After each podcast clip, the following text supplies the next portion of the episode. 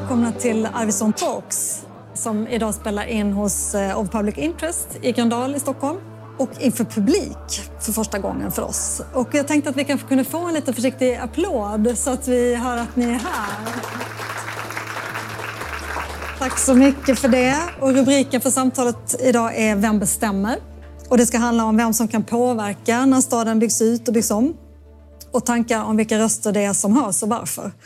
Och kanske någonting om ifall det borde vara annorlunda. Och de som är med mig här på scenen är Jonas Dahlberg. Hej. Som driver of Public Interest Lab där vi är idag. Och du är konstnär och professor i offentlig konst på Kungliga Konsthögskolan i Stockholm. Och sen har vi Anna-Karin Vulgé. Hej. Som är chef på konsthallen Färgfabriken som ligger tvärs över gatan här, några hundra meter bort. Och så har vi Sofia Eriksson. Hallå. Som är strateg på Stadsbyggnadskontoret i Stockholms stad med fokus på dialog och social hållbarhet. Och jag tänkte att vi mjukstartar med en kort fråga. Jonas, känner du att du är delaktig i hur staden formas och utvecklas? Ja eller nej? Nej. Anna-Karin? Nej. Sofia? Ja. ja. ja, då får du börja dig utveckla då. ja, men jag jobbar ju på Stadsbyggnadskontoret mm. som sagt. Mm. Så att jag, eh, jag känner att jag är, är delaktig, delaktig eh, mm. i det. Mm. Eh, absolut inte i alla delar såklart. Men jag känner ändå att jag, jag jobbar med strategisk planering, hur staden ska utvecklas för lång tid. Mm. Så att, det får jag ändå säga att jag är. ja, men det känns skönt ändå. Och vi befinner oss alltså i Gröndal och här precis intill så ska en helt ny stadsdel byggas där det har varit ett gammalt industriområde. Och man kan väl säga att det går som en ring runt Stockholms innerstad där hamn och industriområden steg för steg omvandlas till bostadsområden och kommer att knyta ihop innerstan med förorterna på sikt.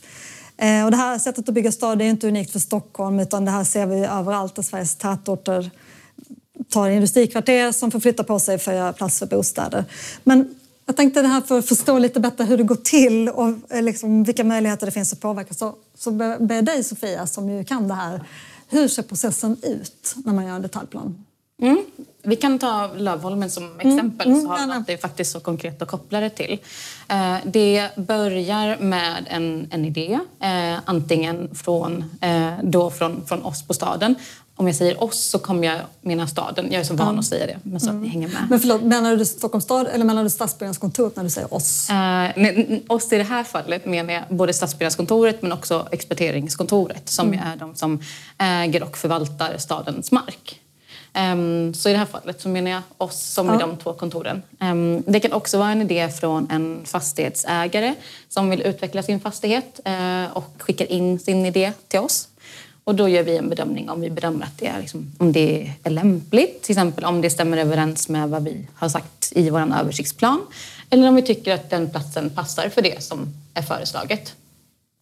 Eh, och eh, sen eh, skriver vi tjänstepersoner fram ett tjänsteutlåtande, ett start-PM som det kallas, som våra politiker sen tar beslut om i stadsbyggnadsnämnden. Och det är alltid ett politiskt beslut att påbörja en detaljplan. Det är liksom inte, inget eget initiativ utan det beslutas alltid av vår stadsbyggnadsnämnd. Och I Lövholmens fall så tror jag startprogrammet var 2017 om jag inte minns fel. Och sen hade vi ett tidigt samråd. Det är inte jättevanligt att vi har, men i Lövholmens fall så visste vi att det finns, det är ett sånt fantastiskt område och det finns så många tankar och idéer kring det och det, det påverkar ganska många. Mm. Så då ville vi ha ett tidigt samråd eh, för att redan redan tidigt, innan vi hade kommit så långt, ja, men kolla så här, den, det förslaget vi hade då. Så här, vad, vad, tycker, vad tycker alla som bor här eller som har verksamhet här om förslaget? Eh, och sen omarbetade vi det förslaget till det som nu återigen då ute på samråd. Mm. Eh, och samråd pågår fram till den 16 oktober. Mm. Och samråd betyder då att eh, det förslaget som vi har tagit fram, det visar vi upp. Och just nu finns det i, jag tror att det finns i, i fyrkanten i Tekniska nämndhuset men också, vi brukar visa upp det på bibliotek eller medborgarkontor mm. i den här stadsdelen. I Grönala, på Ja, men precis. Mm. Um, och uh, då har alla eh, sakägare som är begreppet de som äger fastigheter, bor i fastigheter runt omkring området. Eller liksom alla som vill kommentera på det. Men också remissinstanser som alltså då kan vara till exempel Trafikverket eller eh, ja, Länsstyrelsen är alltid med. Eh, men även stadens andra egna förvaltningar, idrottsförvaltningen och trafikkontoret och så. Och då under en viss period så, har, så kan alla då lämna synpunkter på förslaget. Eh, och skriftligt måste de komma in. Och sen så läser vi alla de synpunkterna som har kommit in och sen så, gör vi, så måste vi alltid göra ställningstagande mellan liksom de, de enskilda intressena och de allmänna intressena såklart utifrån vad som har kommit in. Och sen så omarbetar vi förslaget och sen så ställs det ut på eh, utställning. Och det är som ett, man kan säga som ett till samråd i princip där vi visar upp nu har vi reviderat förslaget på det här sättet. Vad tycker ni om det? Och sen efter det så tas det till politiken för beslut om godkännande och antagande. Och då är det vår stadsbyggnadsnämnd eller vår stadsbyggnadsnämnd och kommunfullmäktige beroende på hur stort projekt det är. Mm. Så så mm. ser det ut. Så vi befinner oss någonstans mitt i ja. kan man säga då, ja. när det gäller Lövholmen. Mm. Och vad, vad, skulle du säga att det är för tidsperspektiv på när det där slutliga beslutet hos politiken, när tror du att det kommer att klubbas? Eh, jag vet att det finns en ungefärlig tidplan på vår hemsida som mm. jag inte kan så jag Nej. vågar inte höfta fram någonting. Nej. Men jag eh, kan säga generellt att en detaljplaneprocess tar beroende på hur, hur svår eller komplex platsen är och hur stor detaljplanen är så kan det ta ganska många år. Mm. Så om jag verkligen bara skulle höfta mellan tummen och pekfingret utan att ens veta vad som står på hemsidan då. Mm. Så jag skulle säga att det kanske är tre år kvar tills detaljplanen är antagen. Mm. Och sen så går det ju att överklaga det beslutet.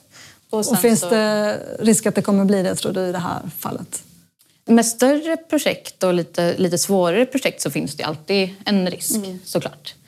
Ja, samrådet är inte klart än så det, det, är svårt att veta. Ja, och sen först efter det kan det påbörja byggas. Så mm. det är liksom innan någonting eventuellt händer i Lövholmen är det liksom ett ganska bra tag kvar. Mm. vi ska komma tillbaka lite till vilka det är som har möjlighet eller liksom vilka intressen som man tar tillvara på och hur de värderas eh, sen. Men jag tänkte kolla på er andra, vad ni har för roll i det här sammanhanget. Vi har ju eh, Färgfabriken då, eh, där du jobbar Anna-Karin, är ju en konsthall framförallt, men har även i sitt uppdrag att diskutera stadsutvecklingen generellt. Och hur ser du på det uppdraget? Ja, Färgfabriken startar ju för att jobba med konstarkitektur och också har liksom lagt till stadsutveckling i sitt uppdrag. Vi pratar väldigt mycket om gestaltad livsmiljö, att skapa de här platserna för människor i staden. Och har ju genom åren, nu har jag jobbat i en och en halv månad på färgfabriken så jag är väldigt ny på den här platsen. Mm. Men eh, har ju erfarenheter från tidigare år att ha jobbat väldigt mycket med stadsutvecklingsfrågor. Och just eh, att utgå från en konsthall och jobba utanför konsthallens väggar. Ja. Att, I Örebro förstå, har du varit ja, konsthallschef där. Ja. Mm. Och att förstå att man är en del av liksom, det här samhället och eh, att konsten också är en del av att mm. bo någonstans. Mm. det är lite speciellt i det här fallet också för att Färgfabriken är ju en stiftelse, eller hur? Precis. Och det är en, ägaren är också en av fastighetsägarna i ja. Lövholmen-projektet. Spelar det någon roll för er roll, om man säger så? Ja, stiftelsen och ägarna är ju inte en del av de som ska exploatera platsen. Nej, okay. Så det är en, mm. en mm. skillnad mm. och har inte varit med i den här tidiga fasen utan har blivit inbjuden i ett sent skede att mm. titta på det första utkastet eller förslaget. Och eh, ägarna värnar om färgfabrikens intresse runt omkring att det ska kunna fortsätta vara en konsthall och att det ska fortsätta vara en verksamhet som liksom bjuder in invånarna i området. Mm. Mm. Som, vi har ju både café och evenemangs... Det är många som har som en relation till Färgfabriken ja. under de här 30 åren som den har funnits. Så det har varit ägarnas perspektiv. Mm. Och Jonas, med labbet som du har med konstnärer och arkitekter här, ni har valt att jobba lite vid sidan av, alltså att inte gå in i samråd eller med fastighetsägarna utan jobbar på ett annat sätt. Kan, kan du beskriva hur, hur ni tänker kring det? Nej, men vi tog ganska tidigt ett beslut att försöka vara på medborgarnas sida.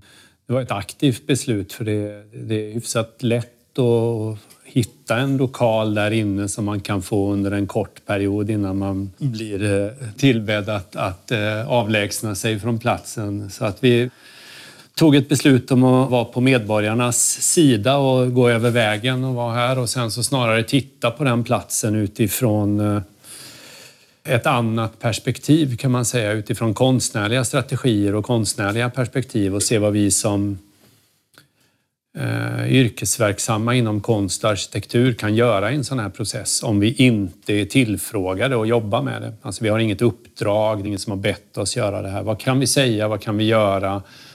Men vad kan vi göra om vi, om vi snarare pratar till de som bor i området än till politikerna eller till ägarna som känns som att man kanske inte riktigt eh, når fram till på det sättet. Eller det har gjorts så många eh, försök genom åren. Eller det har inte bara varit en diskussion sedan 2017 utan det här området har ju pratats om i, i nästan 30 år känns det som. Liksom sådär, va? Så att det är ju någon pågående diskussion med, med den. Så att det är väl vår utgångspunkt, mm. det är lite att ställa sig lite utanför men också för att liksom prata med våra egna språk snarare mm. än med politikernas eller med ägarnas språk. Då. Mm. Jag kom på att ville fråga dig Sofia också, vad är den stora skillnaden då om det är staden som äger marken och som här när det är privata fastighetsägare? Mm, det, jag skulle säga, det är ganska stor eh, skillnad. När det är staden som äger marken så finns det mer vad ska jag säga, rådighet över den. Um, till exempel så är det så att det staden markanvisar ju sin mark till eh, den som vill bygga. Och då kan staden sätta olika förutsättningar. Om det är bostäder så kan staden till exempel förutsätta, eller, ja, eh, markanvisa till någon som bygger hyresrätter eller någon som bygger bostadsrätter.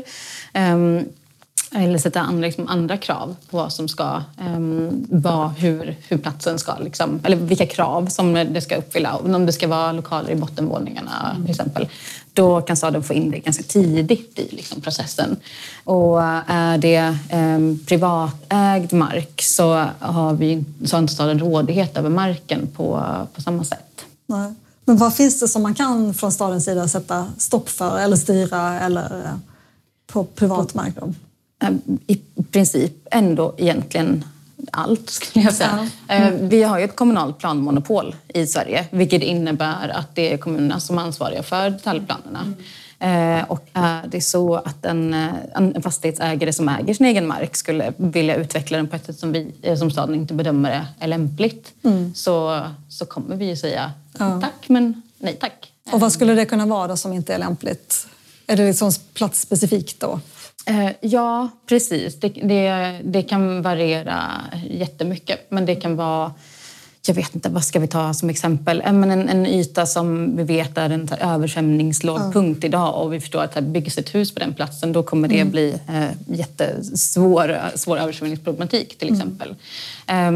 Um, så vi, eller om det, helt, om det går helt emot liksom, eh, stadens långsiktiga plan eller utveckling för, för ett större sammanhang så kan vi också säga att vi inte bedömer att det är lämpligt. Mm. Um, så jag skulle säga att vi har ju ändå väldigt mycket rådighet i att säga eh, ja eller nej. Och sen så är det alltid en, en um, diskussions... Alltså det är alltid avvägningar. Eh, allt måste ju fungera ihop på en helhet och då måste vi också väga in så ekonomiska möjligheter. Liksom. Mm. Eh, men jag kan utveckla det mer sen mm, kanske. Ja. Jag tänkte fastna på dig här då, men, men är i den här samrådsfasen som vi befinner oss i idag, vilka är det som brukar eller vilka, vilka kommer att komma med sina åsikter då, eller inspel i det här läget? Mm. Och också, du kan säga samtidigt då, så hur rangordnas de på något? Är det vissas åsikter som man lyssnar mer på än andras? Ja, och det hänger liksom ihop med, med de formella delarna av plan och bygglagen. Um, sakägare har ju en, en starkare uh, position från sakägare då äger mark inom området eller precis utanför området. Och, uh, jag tror att definitionen är en fastighetsägare som har ett ekonomiskt intresse eller någonting sånt. Mm. Så sakägare um, har liksom alltid en en extra tyngd i egenskap av att vara sakägare. Mm. Men sen så läser vi, vi, alltså vi läser ju allt, vi får in alla synpunkter såklart. Mm. Eh, och liksom avväger om vi kan arbeta vidare med dem eller inte. Mm. Um, och Länsstyrelsen är ju en, en liksom remissinstans som också väger väldigt tungt. Mm. Länsstyrelsen ska ju bevaka både anmäla intresset men också vissa risk, riskfrågor till exempel. Mm. Um, så vissa remissinstanserna väger tyngre än andra och eh, sakägare skulle jag säga har liksom en väldigt, mm. väldigt tung del. Mm. Så liksom, en vanlig, med Jonas som bor granne här, han, om han tycker det är dåligt, det är inte högt upp på listan. Liksom. Eller om han eh. tycker vi, vi gör på ett annat vis. Men jag skulle säga att det handlar kanske snarare om att om Jonas tycker det och inte är sakägare så kan Jonas inte överklaga Nej. detaljplanen. Sen Nej. är Jonas sakägare så kan han fortfarande göra det. Man kan också överklaga om man inte är sakägare men det, då har du inte samma liksom, ska man säga, juridiska grund att överklaga Nej. på. Så det handlar snarare om det än vad Jonas eh, tycker. ja, men en del, så mycket har jag förstått i alla fall, att det, en viktig del är att det ska hänga samman med översiktsplanen och, mm. och vad som står i den. Och den säger bland annat då att Stockholm ska vara en växande stad och en sammanhängande stad. Och nu pekar ut den här platsen, då, Lövholmen, som ett stadsutvecklingsområde som ska vara tätt, livaktigt och mångfunktionellt, har jag läst mig till idag. Då. Mm. Men nu blir det vad jag förstått bara bostäder och bara bostadsrätter. Men vad, vad finns det för möjligheter att planlägga för blandad verksamhet? För eh, menar, att man bostäder och eh, småskalig industri eller hantverk? Mm. Mm, nej men jag tänker, som du var inne på förut, så de, de områdena alltså som Hammarby sjöstad ja. och Liljeholmen, mm. det är ju som en krans runt, runt staden. Eh, det kallas ofta för millennieringen. Okay. Mycket mm. påbörjades liksom runt millennieskiftet i att planlägga de gamla verksamhetsområdena. Eh, och Lövholmen är ju liksom en del i i den ringen kan vi mm. säga. Men eh, vi ska också komma ihåg att vi, eh, Stockholm har ett, eh, ett bostadsmål om 140 000 nya bostäder till 2030. Eh, och det, är ju, det finns ett väldigt stort behov av bostäder i Stockholm. Vi har en ganska stor bostadsbrist idag. Så det är ett politiskt mål ehm, som har ja, ett starkt politiskt mål att vi behöver planera för flera bostäder och bygga, bygga mm. flera bostäder i Stockholm. Um, så det, det är bra att ha liksom med sig i, i bakgrunden att det är ett väldigt starkt prioriterat politiskt mål ja. att göra. Mm. Uh, sen så... Som så det trumfar blandningen i om man ska välja då? Nej, inte alltid. Jag skulle säga att det ändå är liksom en, stark, eh, säga, en stark motor. Men mm. det eh, måste nödvändigtvis inte trumfa allt annat. Mm. Men jag skulle säga att i Lövholmen som, som jag... Eh, jag har inte jobbat med projektet själv, men mm. jag är, känner ändå till det. Mm. Men eh, då kommer vi ändå planera för att kultur, vissa kulturverksamheter ska kunna finnas kvar och mm. Eh, för um, verksamhet, alltså verksamhet som butiker, lokaler eller mm. kontor också mm. ska kunna finnas. Sen kommer det vara absolut en övervikt bostäder. Men vi planerar också för andra funktioner, inte bara bostäder. Nej. Jonas? Jag tänkte bara sticka in en fråga då. För att, mm. Eh, okej okay om det trumfar, låt oss säga att det trumfar, det vinner det målet med bostäder då. Men varför bara bostadsrätter då? Varför ger sig inte kommunen in och säger någonting om att uh, sätta press på att man vill ha en viss typ av mångfald i området. Man vill ge möjlighet till eh, andra människor att komma in på ett sånt här område. Jag tror att någon i vårt labb räknade på det för den förra planen. Vi har inte räknat på den nya, men det var liksom medelinkomsttagaren som i Stockholm kunde köpa 10 kvadratmeter. Alltså i det här området då utifrån, hon är stadsplanerare själv, eh, driver Sesam i, i Malmö och alltså sådär. Men så där finns det ju något där jag personligen då som på den här sidan undrar varför ger sig inte kommunen in och sätter press på markägarna kring om det ska vara bo, alltså vilken typ av bostäder? Sen kan man ju ifrågasätta just att man, att man då när du säger kulturverksamheter så pratar du inte om kulturproduktion skulle jag tro, liksom, utan snarare liksom eh, det som visas upp. Liksom, sådär, och det är väldigt sådär, det finns ingenstans där vi kan producera kultur idag i Stockholm. Det finns otroligt en enorm brist, större än bostadsbristen är det på kulturproduktion. Då. Så där kan man ju också undra, liksom, när man pratar om kultur så måste man också börja prata om produktion och, och produktionshistoria. Men, men först den där, alltså apropå, mm. apropå den, vad kan man göra som, vad kan man göra som, som kommun och sätta press på, om man då tror på det, om kommunen tror på att det är bra att det ska finnas olika former av eh, sätt att komma in och få, få tillgång till en bostad. Mm. Men först, så, bostäder trumfar inte allt och det tror jag ändå att jag sa att det inte mm. gjorde. Mm. men det är liksom ett prioriterat mål, men det trumfar absolut inte allt. Och det är ju också våran eh, våran vilja och ambition med Lövholmen att det ska finnas utrymme för mer än bara bostäder. Eh, men, men det är en jättebra fråga om hyresrätter och bostadsrätter och den förstår jag verkligen att du ställer och jag tänker att det är säkert många som funderar över den saken.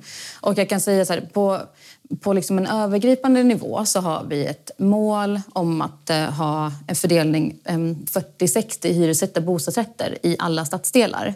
Och idag ser det väldigt olika ut i stadens olika stadsdelar.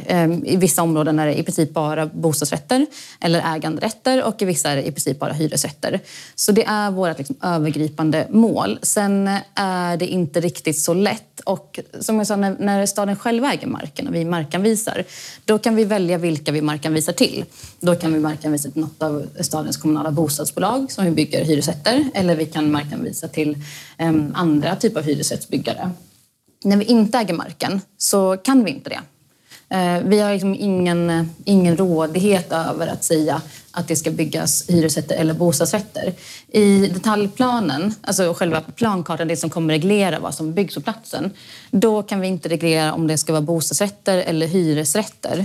Och eftersom vi inte, staden inte äger marken så kan vi inte heller tvinga någon att bygga något som de inte Ja, det är fastighetsägarna själva som, som bestämmer vad de ska mm. bygga. Sen kan vi såklart önska upplysa, eh, på, försöka påpeka och försöka påverka att vi vill se en blandning. För det vill vi också från stadens sida. Skulle ni inte kunna säga att eh, till exempel att okej okay då, ni får bygga två våningar högre om ni bygger hyresrätter? Um, ja, ja men jag, jag, funderar på... Sen kanske jag inte tycker att det är så att vi kör förhandlingstaktik riktigt. Och vi kommer ändå inte kunna styra vad de sen, um, hur de sen väljer att hyra ut eller sälja lägenheter. Alltså vi, vi, staden har inga medel att på något sätt styra det. Så om vi skulle säga så här, bygg fem våningar till om du bygger hyresrätter. Då skulle en byggaktör i teorin kunna bygga fem våningar till men ändå sälja dem. Så att vi har liksom ingenting att kontrollera det med. Mm. Uh, och jag, jag, det, det, är ju verkligen...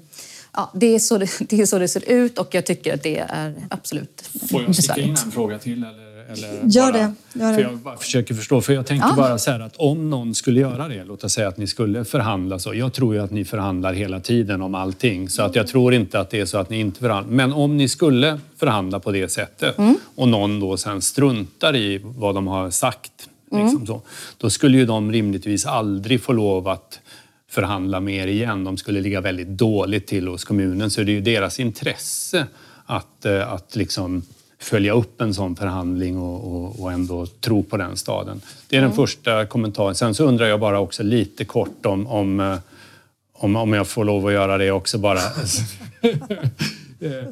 om, om just med, med när staden inte äger Äg, alltså den äger inte marken, men hur man ser på sådana som alltså i Berlin som köper tillbaks mark för att de vill, du vet, de vill bygga stad. De vill mm. ha kontroll över vilken stad man bygger.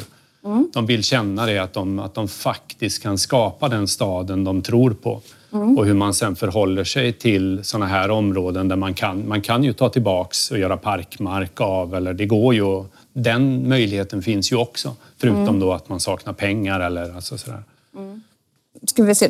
Den första frågan var eh, att, eh, att aktörerna skulle handla på kommunens shitlist om de, om de inte gjorde vad de hade lovat. Eh, eh ja, Eh, absolut. Jag tror inte att det är någonting vi har testat faktiskt, eh, om jag ska vara ärlig. Eh, och sen så, som, som du säger, vi förhandlar kan man säga. Vi väger olika intressen mot varandra hela tiden och det är sant, det gör vi. Vi väger allmänna enskilda intressen, vi väger liksom bebyggd mark mot parkmark, vi väger liksom allt för att få ihop en helhet. Så det gör vi absolut.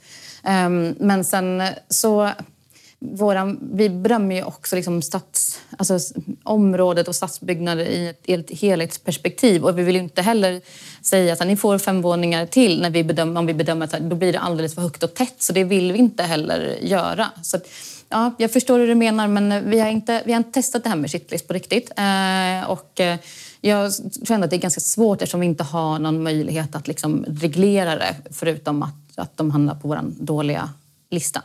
Sen din andra fråga. du ställer så långa frågor så att jag hinner liksom tappa bort dem mellan. Din andra fråga var markköp. Ja, ehm, bygga stad. Liksom, att ja. kontrollera vad har man för verktyg att bygga alltså, ni, har, ni saknar verktygen, säger du. Men vad, jobbar man då på att få verktygen så som de gör i Berlin? Liksom, att de, alltså, nu vet jag inte hur aktiva de är, mer än att jag har reflekterat att jag har läst om att de faktiskt aktivt försöker skaffa sig verktygen igen. Alltså jag skulle inte säga att vi, vi saknar inte verktygen. Vi saknar verktygen för vissa frågor. Men vi saknar inte verktygen för att liksom planera en stad och bygga en stad. Men verktygen för att bestämma på privatmark om vilken upplåtelseform det ska vara, det saknar vi absolut. Och köpa tillbaka mark, jag, jag tycker att det är... Ehm, jag personligen tycker att det är en väldigt bra strategi. Men det handlar om en större kommunal ekonomisk fråga. De pengarna måste fortfarande komma någonstans ifrån och då måste de komma från staden som är liksom skatteintäkter. Och kan, det har jag svårt att svara på liksom, i det större perspektivet hur man sen liksom skulle finansiera det. Men eh, jag tycker att det är en intressant eh, och bra sak. Men jag kan inte svara på om det är ekonomiskt möjligt. Jag tänkte vi ska prata lite mer om kulturens plats, inte minst just här då, för det har ju varit konstnärsateljéer eh, länge. Eh, några av dem finns väl kvar, men eh, kommer väl att rivas vad jag har förstått, de husen. Men, och det är en förändring som också sker gång på gång i att industrier flyttar ut, konstnärer och hantverkare flyttar in. De behöver billiga hyror och slitstarka lokaler. Men när stan växer så behöver de här verksamheterna flytta på sig. Eh, och samtidigt är det ruffigheten och kulturens närvaro som ger platsen karaktär. Jag undrar, vad har ni för lösningar på den knuten? Liksom, hur, vi ska, hur vi ska behålla kulturen på en plats? Färgfabriken kommer ju finnas kvar, Anna-Karin. Du får gärna börja. Ja, Färgfabriken kommer ju finnas kvar. Det ju, ser ju ut som det i detaljplanen och byggnaden kommer bevaras. Men även Bäckershuset, det är där konstnärerna faktiskt sitter idag. Ja, den kom, den kommer och den finnas kommer kvar. finnas kvar, mm. byggnaden. Mm. Den var ju tänkt som en, möjligtvis som en skola men nu har, ser man över vilken funktion den kommer fylla i, liksom i det framtida området. Eh, och, och där kan man ju också se då eh, för alla som kommer flytta in på den här platsen så är det ju fantastiskt att det faktiskt finns en arbetsplats med kanske mellan 300 och 500 personer som rör sig i det här området dagligdags. Som skapar närvaro, skapar trygghet, skapar liksom att följer dygnets alla timmar. Så man kan tycka att det, man borde verkligen verka för att den här verksamheten kan få finnas kvar. Att, att konstnärerna får finnas kvar i området. Och då är det ju Skanska som äger den byggnaden. Och i, i planerna står det att man ska bygga på några våningar. Och det är kanske ett sätt för att förändra verksamheten men man skulle ju också kunna utifrån liksom Skanskas perspektiv att ja, om vi nu ska göra en attraktiv mm, stadsdel där vi kan sälja de här mm. bostadsrätterna mm. då är det kanske också bra att vi stöttar att de här faktiskt kontoren får finnas kvar. Mm. Ett förslag. Mm. Men har ni några exempel från någon annan plats i Stockholm eller någon annanstans i Sverige eller runt om där man har, där man har liksom löst, där man har hittat det här, bygga nya områden för de här bostäderna som behövs men ändå låta eh, kulturens aktörer vara kvar på ett, liksom, på ett lite kraftfullare sätt. Har du något Jonas? Nej, det, alltså inte, det här är väl en, alltså en av de mest klassiska gentrifieringsmodellerna. Alltså liksom. Mm. Men, men, och det det känns inte som... Alltså lösningarna är ju egentligen inte så svåra, men verktygen... Jag kan fortfarande inte verktygen, vad man har för verktyg att bygga stad. Liksom. Det är där men vad, är kanske... vad är den enkla lösningen då? Ja, men den enkla lösningen borde vara rimligt att säga att, liksom, att det vi pratar om, att detta är ett industriområde, att du vet att vi pratar om industrihistorien, vi ska betala, eller bevara olika industribyggnader och så vidare. Men där kan jag liksom möjligtvis undra, men är det, är det industribyggnad? Det var länge sedan det var ett industriområde. Alltså så här, och vi vill inte, om man sparar en tegelfasad så sparar man inte industrihistorien. Då borde man kanske spara, alltså då borde man återupprätta dåliga arbetsförhållanden eller någonting för att göra en, alltså någon slags minnesplats för industrihistorien. Liksom så där. Att det man borde prata om om man ska liksom jobba med ett områdets karaktär och så är det ju den karaktären som har varit de senaste 30 åren, nästan lika lång tid som det var industriområden har varit kulturproduktion där är liksom eh, en aktiv plats. De har betalt hyran hela tiden. De har hållit de här husen i liv. Liksom, eh, alltså sådär. Men sen så Sen så när man pratar om att man ska då behålla kultur, eh, alltså olika typer av kulturverksamheter, det är ju inte ateljéer och studios eller mindre produktionsplatser som kommer vara i området. Det finns inte en chans att de kommer bygga på två våningar på det huset och behålla ateljéer, att Skanska skulle, det är liksom den minst alltså finansiellt eh, lönsamma strukturen då. Möjligtvis är det väl det, alltså den som är, jag tror Skanska redan är på kommunens lite dåliga, den shitlisten då, att de inte har fått köpa så mycket mark från, eftersom de köper och, de köper och säljer och de förvaltar inte liksom så mycket då. Va? Och kommunen vill hellre ha förvaltare då. Så att här har ju Skanska möjligheten att kulturtvätta sig lite grann då. Att om de, de, de skulle kunna göra något med de byggnaderna som de har. Då liksom sådär. Vi får tipsa dem om det. Men det är en uppmaning till Skanska ja, verkligen att göra det. Så det, den här efteråt så kommer det ju finnas en förhandlingsperiod. Det kommer inte byggas på väldigt lång tid. Så att, och Stockholm att, och jobba med det. Mm. Stockholm som stad måste ju också tänka igenom vad man menar med, med liksom alltså att man kan inte ha Moderna Museum och färgfabriker och olika liksom platser för att visa konst men det bor inte en enda konstnär här. Precis. Du vet, det finns Nej, inte en ateljé någonstans, de bara försvinner överallt. Liksom så. så då har man inget aktiv kulturstad. Liksom. Det spelar ingen roll att vi liksom importerar in lite grupputställningar från olika håll. Liksom, så där, utan det måste finnas produktion på platserna där det, där det, mm. där vilken det finns. Liksom. kan Färgfabriken ta i det att vara även en arena för kulturproduktion? Finns det liksom sådana möjligheter eller tankar? Vi har absolut inget utrymme för det. Nej. Det finns inte rum. Det är Nej. ganska trångt som det är. Vi har ju diskuterat lite kort att, ja. äh, att använda den, eh, det offentliga rummet. Då, liksom, att börja Exakt. jobba på, alltså att det kan man naturligtvis börja jobba med om det saknas platser för att, alltså inomhus mm. eller platser för. Men det är ju fortfarande så att, att för att kunna jobba så så måste man ju ha, då måste det finnas platser för produktion. Liksom, mm. så. Vi erbjuder här en liten plats för produktion mm. men det är på eget initiativ från, från liksom sådär. Mm. Så att det är klart att om, om, om jag kan låna ut en lokal till ett gäng kulturarbetare eller arkitekter så skulle man kunna förvänta sig att kanske Skanska skulle kunna gjort det. Att du vet, mm. sådär, att det, det måste finnas intresse att bygga stad också mm. bland liksom dem. Mm. Men Eh, både i slakthusområdet är ett lite liknande område, det är ett gammalt industriområde eh, som också håller på att omvandlas nu. Eh, och jag kan, jag kan tycka att jag förstår vad du menar med liksom att det, det, är också verksamheter som gör kulturen men jag tycker också att kulturhistoria som i byggnader också är väldigt viktigt för att kunna läsa en stad och förstå hur en stad har sett ut och vuxit fram. Men det kanske beror lite på vilken utgångspunkt man har. Men eh, jag tycker så här, jag ehm, jag är ju också arkitekt så det kanske är viktigare för mig. Men jag tycker så här, för att förstå hur en stad har sett ut, vad som har hänt i staden tidigare så tycker jag att byggnaderna också spelar en väldigt stor roll. Eh, och att, att bevara byggnader gör ju också att eh, det skapar förutsättningar för att det alltså, finns byggnader som inte då ersätts med en ny där hyran blir jättemycket högre. Eh, och både i slakthusområdet så sparar, eh, då, har, liksom, då kommer vi inom de planerna spara flera byggnader eh, och från olika årtionden. Så det är inte bara de gamla fina tegelbyggnaderna i slakthusområdet som sparas utan tanken har varit att spara liksom, byggnader från varje årtionde så att man ska liksom, förstå hur slakthusområdet växte fram under, under lång tid. Mm. Och även i, i Lövholmen så Bäckershuset ehm, kommer ju liksom, som, som förslaget ser ut nu, att sparas. Och det är ju för att ha en möjlighet att ha kvar ateljéer och verksamheter. Men sen, här, som ni båda säger, det, det handlar ju om att alla också måste förstå kulturens värde eh, och, och hjälpa till. Eller om man ska säga, alla måste bidra och förstå värdet. Vi, kan, vi, vi från stadens sida kan skapa liksom, vissa förutsättningar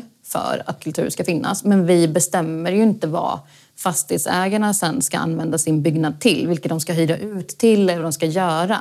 Så jag tänker att det är superviktigt att Skanska också förstår att det här är någonting som de dels kan tjäna pengar på, eh, så, men också att det är superviktigt för en stad, vad som finns och händer i byggnaderna.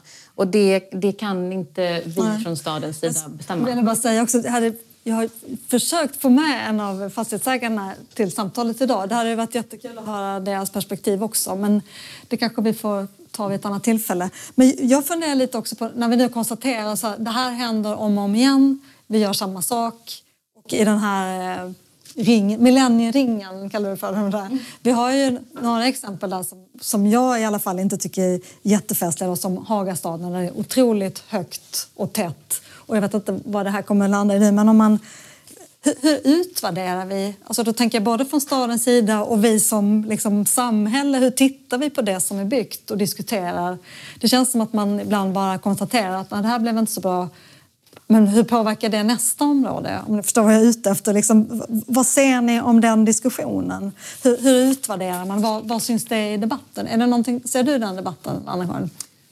Uh, nej, det gör jag nog inte faktiskt. Men det har också varit ett högt byggtempo i Sverige så att man hinner ju inte riktigt med Nej. att tänka efter. Och, och man, är bara, eh, man är framme på nästa mm. projekt och det finns ju starka ekonomiska intressen såklart. Och jag har ju också förstått att, Hagastad, att den här platsen kommer bli ännu tätare än Hagastaden. Att det är ännu fler bostäder och ännu fler människor på en mindre yta. Mm.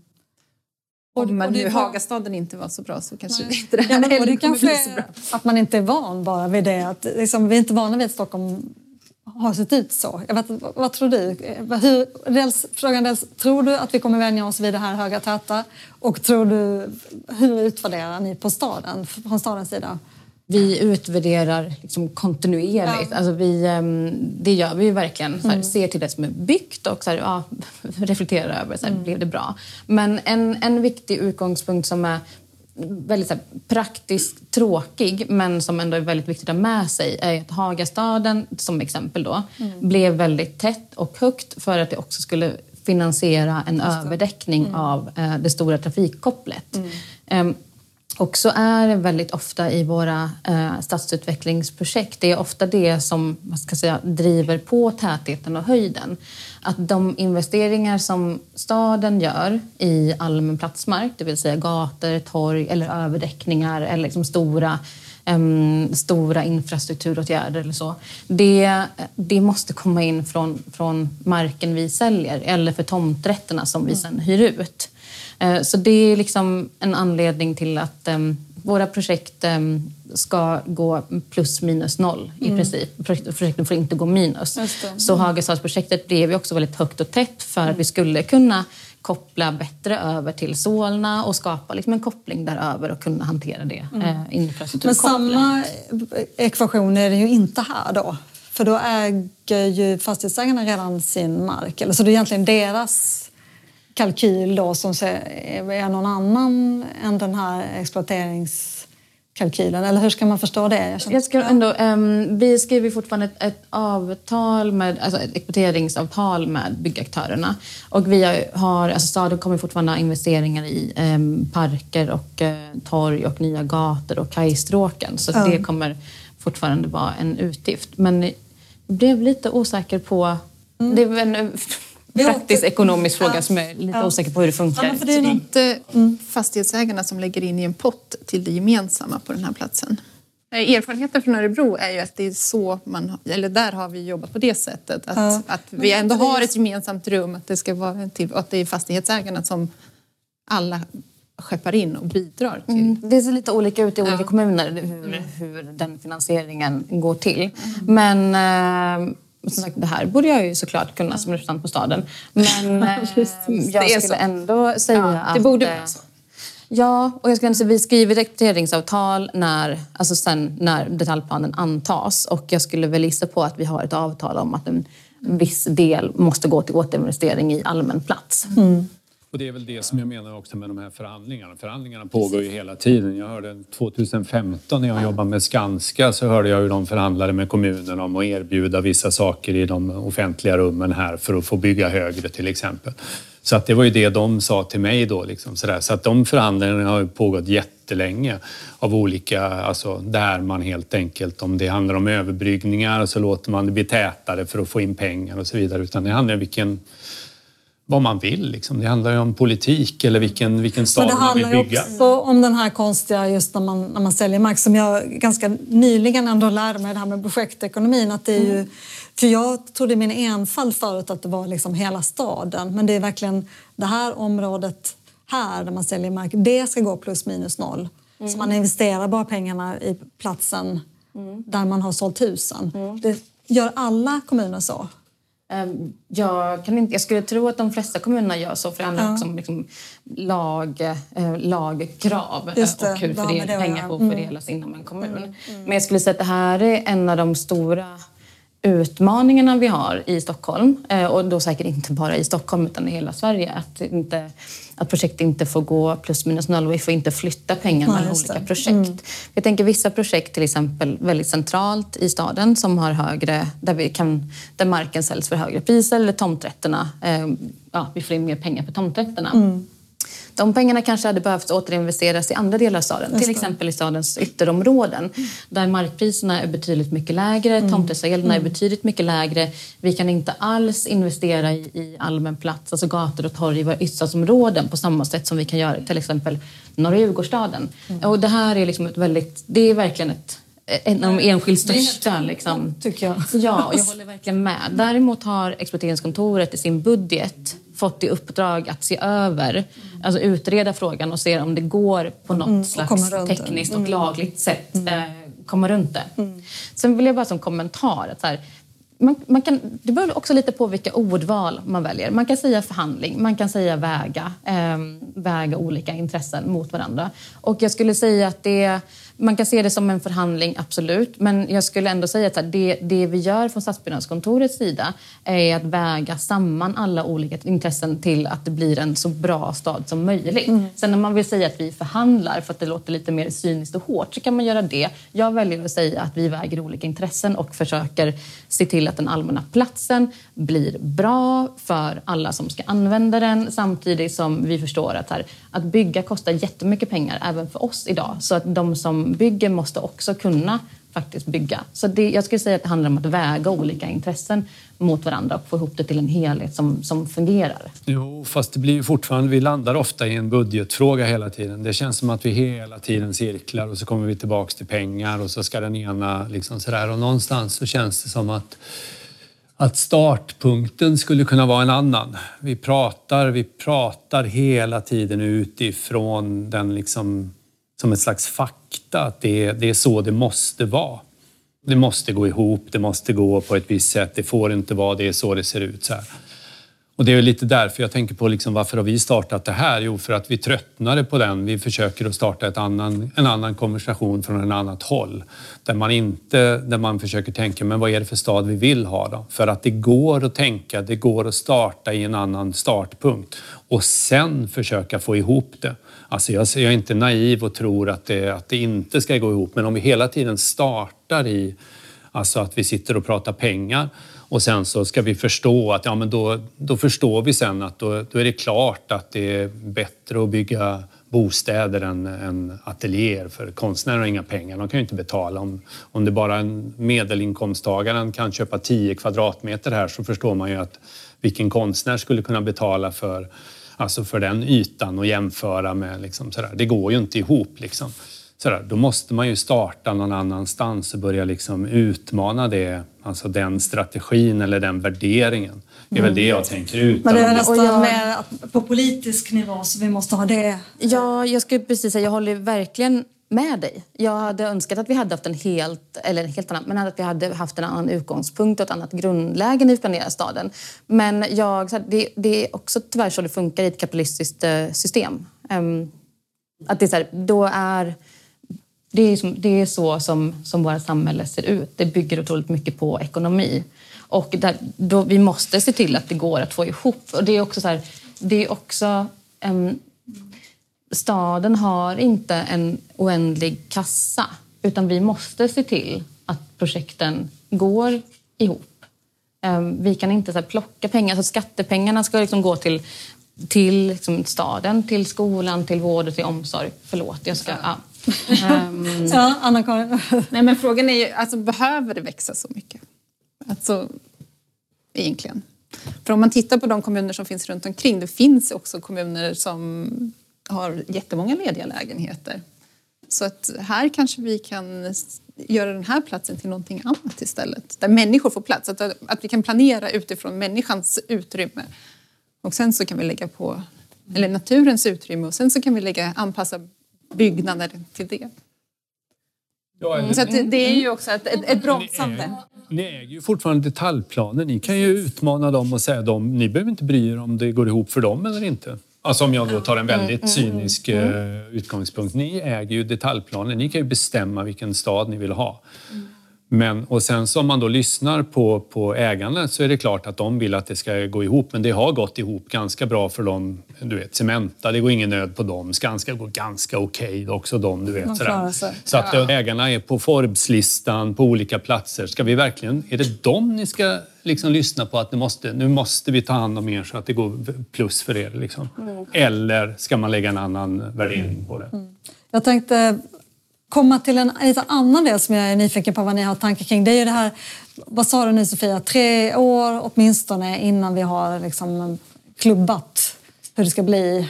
Ja, helt. Och sen så ska, har vi ju en fastighetskris också så att eh, det kanske inte kommer, det kommer att dröja många år innan det börjar byggas på riktigt eller stå färdigt. Vad ska vi göra under den tiden då? Vad ska finnas på den här platsen? Är det någon som har något, eh, några roliga idéer? Anna-Karin? Jag tänker ju att det är en, en väldigt stor yta som man kan odla på. Att låta det gröna växa fram. Mm. Vi behöver ju ändå liksom, jobba med klimatåtgärder i alla delar, biologisk mångfald. En gigantisk stadsodling på de ja, här grusytorna till exempel, eller ängar. Väldigt lätt att plantera ut. Sofia, har du några idéer om vad vi ska göra med den här platsen nu medan den står och väntar på att bli stad eller bli bostäder? Ja, men jag tycker att det är superfint om den kan användas alltså lite för det, ja, men ändå så här, för det den behövs. Eller så här, behövs en yta för, jag vet inte, spontanlek eller för odling eller för jag vet inte, att använda eh, utomhusmiljöerna för att producera konst så är väl det så superbra, um, tänker jag. Jag tänker att den kan få vara lite, lite fri um, och användas till vad den behövs till. Um. Men om den behövs till det nu Behövs den inte till det sen också då? Jo. Mm. Jag tänkte vi skulle runda av, men jag tänkte fråga om vad ni har för förhoppningar kring nya Lövholmen som ska växa fram eller andra nya stadsdelar som planeras och byggs helst lite realistiska förhoppningar om vilken typ av stad som ska bli. Jag har själv en förhoppning om ännu bättre samarbete mellan fastighetssidan och staden och att man jobbar ihop mot allra bästa möjliga mix och kvalitet på det som byggs. En förhoppning om en riktigt bra Lövholmen 2035.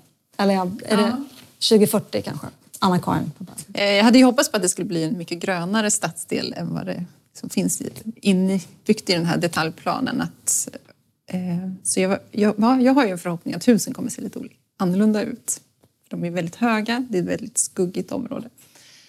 Eh, och att det ska finnas mer utrymme för barn att röra på sig.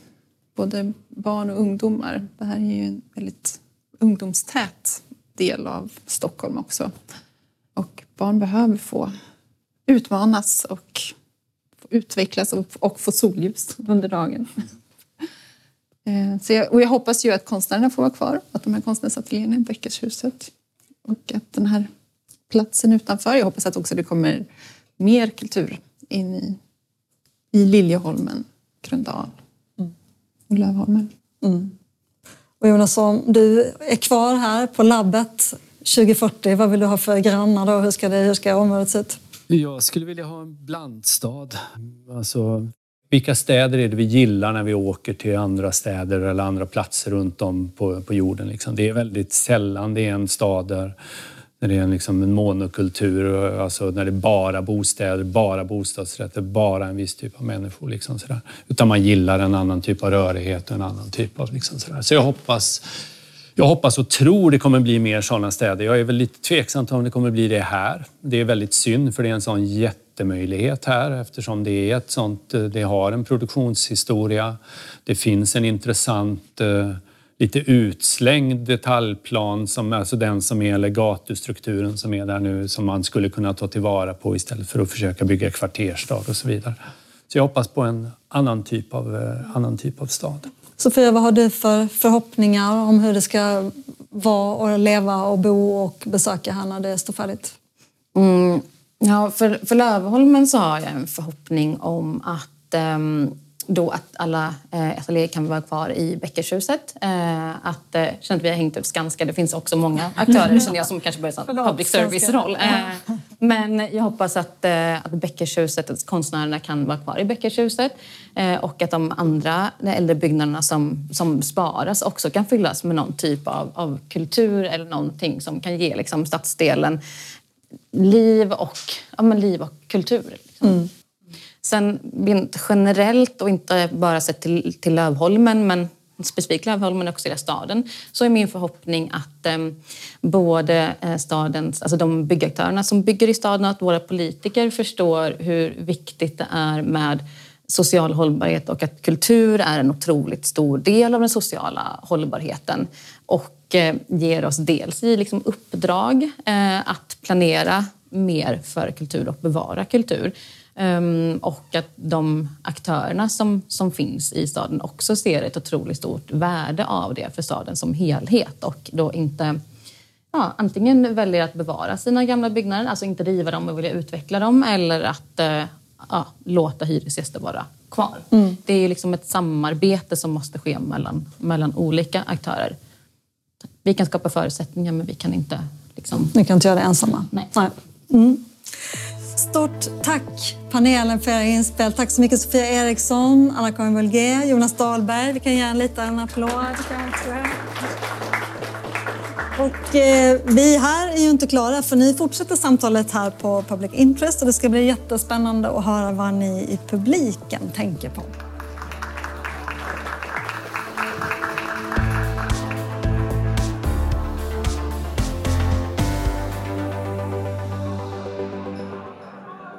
Vad heter du? Elisabeth Näslund. Jag är ordförande i eh, Socialdemokratiska föreningen i Gröndal Liljeholmen. Vad tänker du kring samtalet idag? Har du någon eh, kommentar? Spännande och intressant och konstruktivt tycker jag. Det var spänstigt och rörde sig framåt. Man såg mycket möjligheter i det som de sa. Vad är den stora utmaningen tycker du i det här området? Jag tycker om man anlägger ett fågelperspektiv att eh, problemet i Stockholm är den här regionala obalansen som vi har. Norr om stan ligger alla arbetsplatser, kontor, verksamheter. Söder om Slussen blir mer och mer ett enda stort bostadsområde. Nu ska man flytta de kulturarbetare som är kvar ifrån eh, Lövholmen och in med 18 100 bostadsrätter. Det är, dels är det ett gentrifieringsprojekt, dels så försvinner ytterligare arbetstillfällen härifrån. Och det tycker jag är fel. Tack. Vad heter du? Gabriel Wiklund. Var det något särskilt som du fastnade för i samtalet idag? Det som är fascinerande är att många vill ju faktiskt samma sak eh, men det känns lite som att man är fastlåst i liksom strukturer och positioner Eh, och sen var det kanske lite synd att, att inte alla var med, men då hade ni försökt att få med någon från så att säga, andra sidan kanske i den här dialogen. Mm.